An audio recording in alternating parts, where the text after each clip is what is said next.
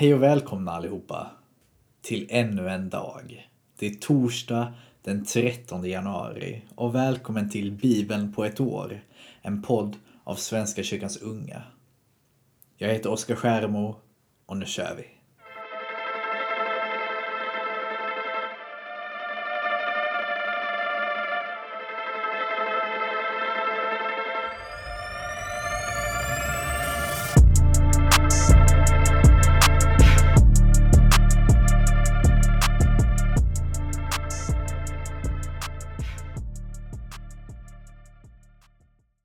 Vi ber tillsammans.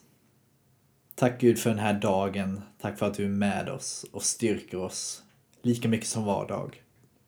Jag ber att du är med alla de som är sjuka och krassliga. Jag ber att du helar dem och styrker dem. Var med oss alla Gud. Var med oss var och en som lyssnar på den här podden. Tack för att du älskar oss evinnerligt mycket. Var med i bibelläsningen idag och skänk oss ro och glädje i dig. I Jesu namn, Amen. Vi börjar i Första Mosebok, kapitel 28, vers 1 till kapitel 29, vers 35. Då kallade Isak till sig Jakob. Han välsignade honom och sade till honom Du får inte ta en kananeiska till hustru. Bege dig istället till Padam Aram, till din morfar Betuels familj och ta din hustru där, en av din morbror Labans döttrar. Må Gud den väldige välsigna dig och göra dig fruktsam, så att du förökar dig och blir till många folk. Och må han ge dig och dina ättlingar den välsignelse som han gav Abraham, så att det land där du nu bor som främling blir din egendom.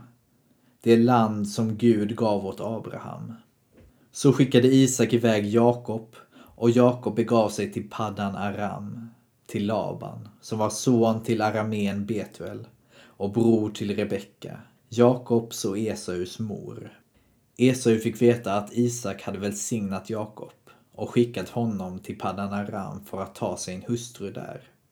Han hade välsignat honom och befallit du får inte ta en kananeiska till hustru. Och Jakob hade lytt sin far och mor och begett sig till Paddan Aram. Då förstod Esau hur illa hans far tyckte om de kananeiska kvinnorna. Han gick därför till Ismael och tog till hustru utöver de hustrur han redan hade, Machalat, dotter till Abrahams son Ismael och syster till Nevajot. Jakob lämnade Bersheba och tog vägen mot Haran. Han kom fram till en plats där han stannade för natten eftersom solen hade gått ner. Han tog en av stenarna på platsen för att ha den vid huvudgärden. Sedan lade han sig att sova där. I drömmen såg han en trappa som ledde från jorden ända upp till himlen och Guds änglar gick upp och ner för den. Och Herren stod framför honom och sade Jag är Herren, din fader Abrahams Gud och Isaks Gud. Marken som du ligger på ska jag ge åt dig och dina ättlingar. De ska bli som stoftkornen på jorden och du ska utbreda dig åt väster och öster, åt norr och söder. Och alla folk på jorden ska önska sig den välsignelse som du och dina ättlingar har fått. Och jag ska vara med dig och skydda dig vart du än går. Jag ska föra dig tillbaka till detta land. Jag kommer inte att överge dig. Jag ska fullgöra det som jag har lovat dig. Jakob vaknade upp ur sömnen. Sannerligen, sade han. Herren är på denna plats. Och jag visste det inte. Och han greps av bävan och sade Detta är en plats som väcker i bävan. Det måste vara Guds boning. Här är himlens port. Tidigt nästa morgon tog Jakob stenen som han haft vid huvudgärden och reste den som ett stod och göt olja över den. Han kallade platsen Betel. Tidigare hette staden Lus. Jakob angav ett löfte. Om Gud är med mig och skyddar mig på denna min färd och ger mig mat att äta och kläder att klä mig med så att jag kommer välbehållen hem igen. Då ska Herren vara min Gud. Och stenen som jag har rest som ett stod ska bli en Guds boning och av allt du låter mig få ska jag ge dig tionde. Jakob fortsatte sin färd och begav sig till kardemonéernas land. Där fick han se en brunn ute på öppna fältet och tre fårjordar som låg runt omkring den. Man brukade nämligen vattna jordarna ur den brunnen. Över brunnsöppningen låg en stor sten. Först när alla jordarna var samlade kunde man vältra undan stenen från brunnen och vattna fåren. Sedan lade man tillbaka stenen och dess plats över brunnsöppningen. Jakob frågade dem, varifrån kommer ni bröder? De svarade, vi är från Haran. Då känner ni kanske Laban, Nachors son, sade Jakob. Och de svarade att de kände honom. Hur har han det? frågade Jakob. Bra, svarade de. Och där borta kommer hans dotter Rakel med fåren. Jakob fortsatte. Solen står fortfarande högt på himlen. Det är för tidigt att samla ihop boskapen. Vattna fåren och driv ut dem på bete igen. Nej, sade de. Det kan vi inte göra förrän alla jordarna är samlade och stenen vältrats undan från brunnen. Då vattnar vi fåren. Medan han ännu talade med dem kom Rakel med fåren som hon brukade valla åt sin far. När Jakob fick se sin morbror Labans dotter Rakel komma med Labans får gick han fram och vältrade undan stenen från brunnen och vattnade sin morbror Labans får. Och Jakob kysste Rakel och han brast ut i gråt. Han berättade för henne att han var nära släkt med hennes far och var Rebeckas son. Då sprang hon och berättade det för sin far. Och när Laban fick höra nyheten om sin systerson Jakob skyndade han sig ut för att ta emot honom. Han omfamnade och kysste honom och tog honom med sig hem. Där berättade Jakob för Laban allt som hade hänt. Och Laban sade till honom, Ja, du är verkligen mitt kött och blod. Jakob stannade hos honom en månads tid. Och en dag sade Laban till Jakob, Visst är du min släkt, men inte ska du behöva arbeta åt mig utan lön. Säg mig vad du vill ha. Nu hade Laban två döttrar. Den äldsta hette Lea och den yngsta hette Rakel. Leas ögon var utan glans, men Rakel var vacker och välväxt. Jakob älskade Rakel och därför sade han Jag arbetar åt dig i sju år för din yngsta dotter Rakel. Laban svarade det är bättre att jag ger henne åt dig än åt en främling. Stanna du hos mig. Så arbetade Jakob för Rakel i sju år och han tyckte det var som några få dagar eftersom han älskade henne. Jakob sa ju till Laban Ge mig nu min hustru, tiden har gått. Låt mig komma samman med henne. Då inbjöd Laban alla i grannskapet och ställde till med fest. Men när det blev kväll tog han sin dotter Lea och förde henne till Jakob och han låg med henne. Laban gav sin slavflicka Silpa som slavflicka åt sin dotter Lea. På morgonen upptäckte Jakob att det var Lea. Då sade han till Laban Vad är det du har gjort mot mig? Det är ju för Rakel jag har arbetat hos dig. Varför har du lurat mig? Laban svarade Det är inte skick och bruk här på orten att ge bort den yngre dottern för den äldre. Fira nu bröllopsveckan till slut med Lea, så ska du få också den andra, på villkor att du arbetar sju år till i min tjänst. Jakob samtyckte och fullbordade bröllopsveckan med Lea. Sedan gav Laban honom sin dotter Rakel till hustru. Laban gav sin slavflicka Bilha som slavflicka åt sin dotter Rakel. Så låg Jakob med Rakel också och han älskade henne ännu mer än Lea. Han arbetade sedan hos Laban i ytterligare sju år.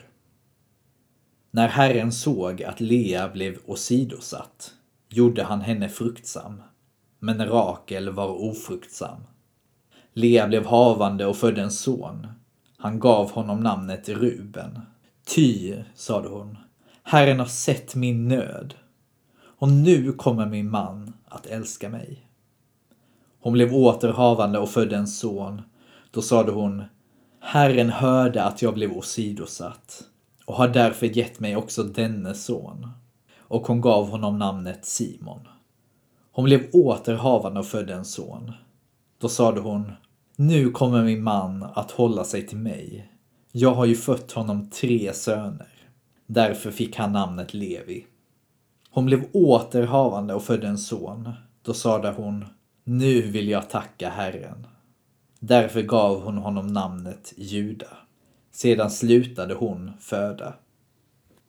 Ja, Bibeln är verkligen full av mänskliga personer.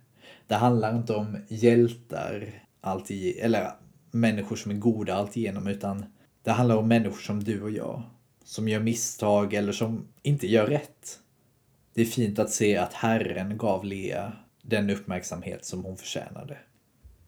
Vi fortsätter i Matteus, kapitel 9, vers 18 till 38.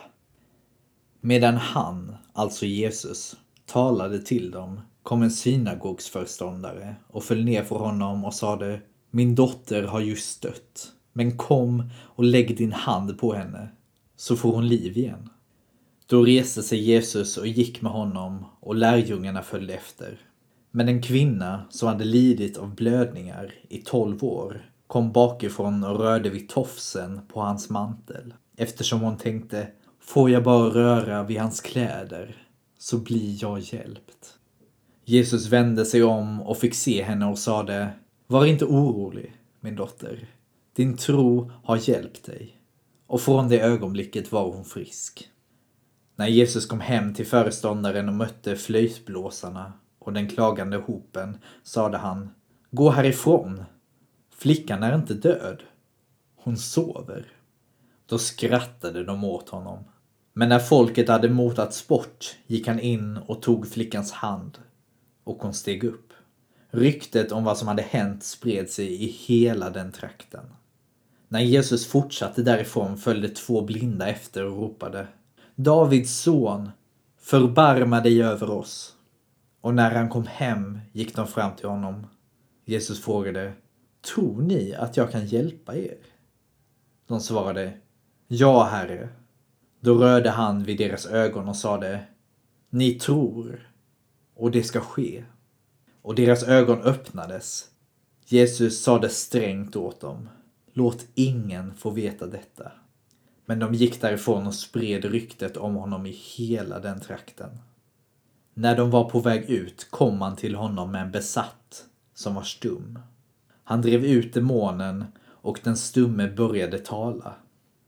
Och folket häpnade och sade Aldrig förr har man sett något sådant i Israel.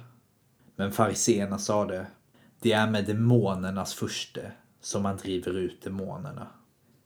Jesus vandrade omkring i alla städerna och byarna och han undervisade i synagogorna, förkunnade budskapet om riket och botade alla slags sjukdomar och krämpor.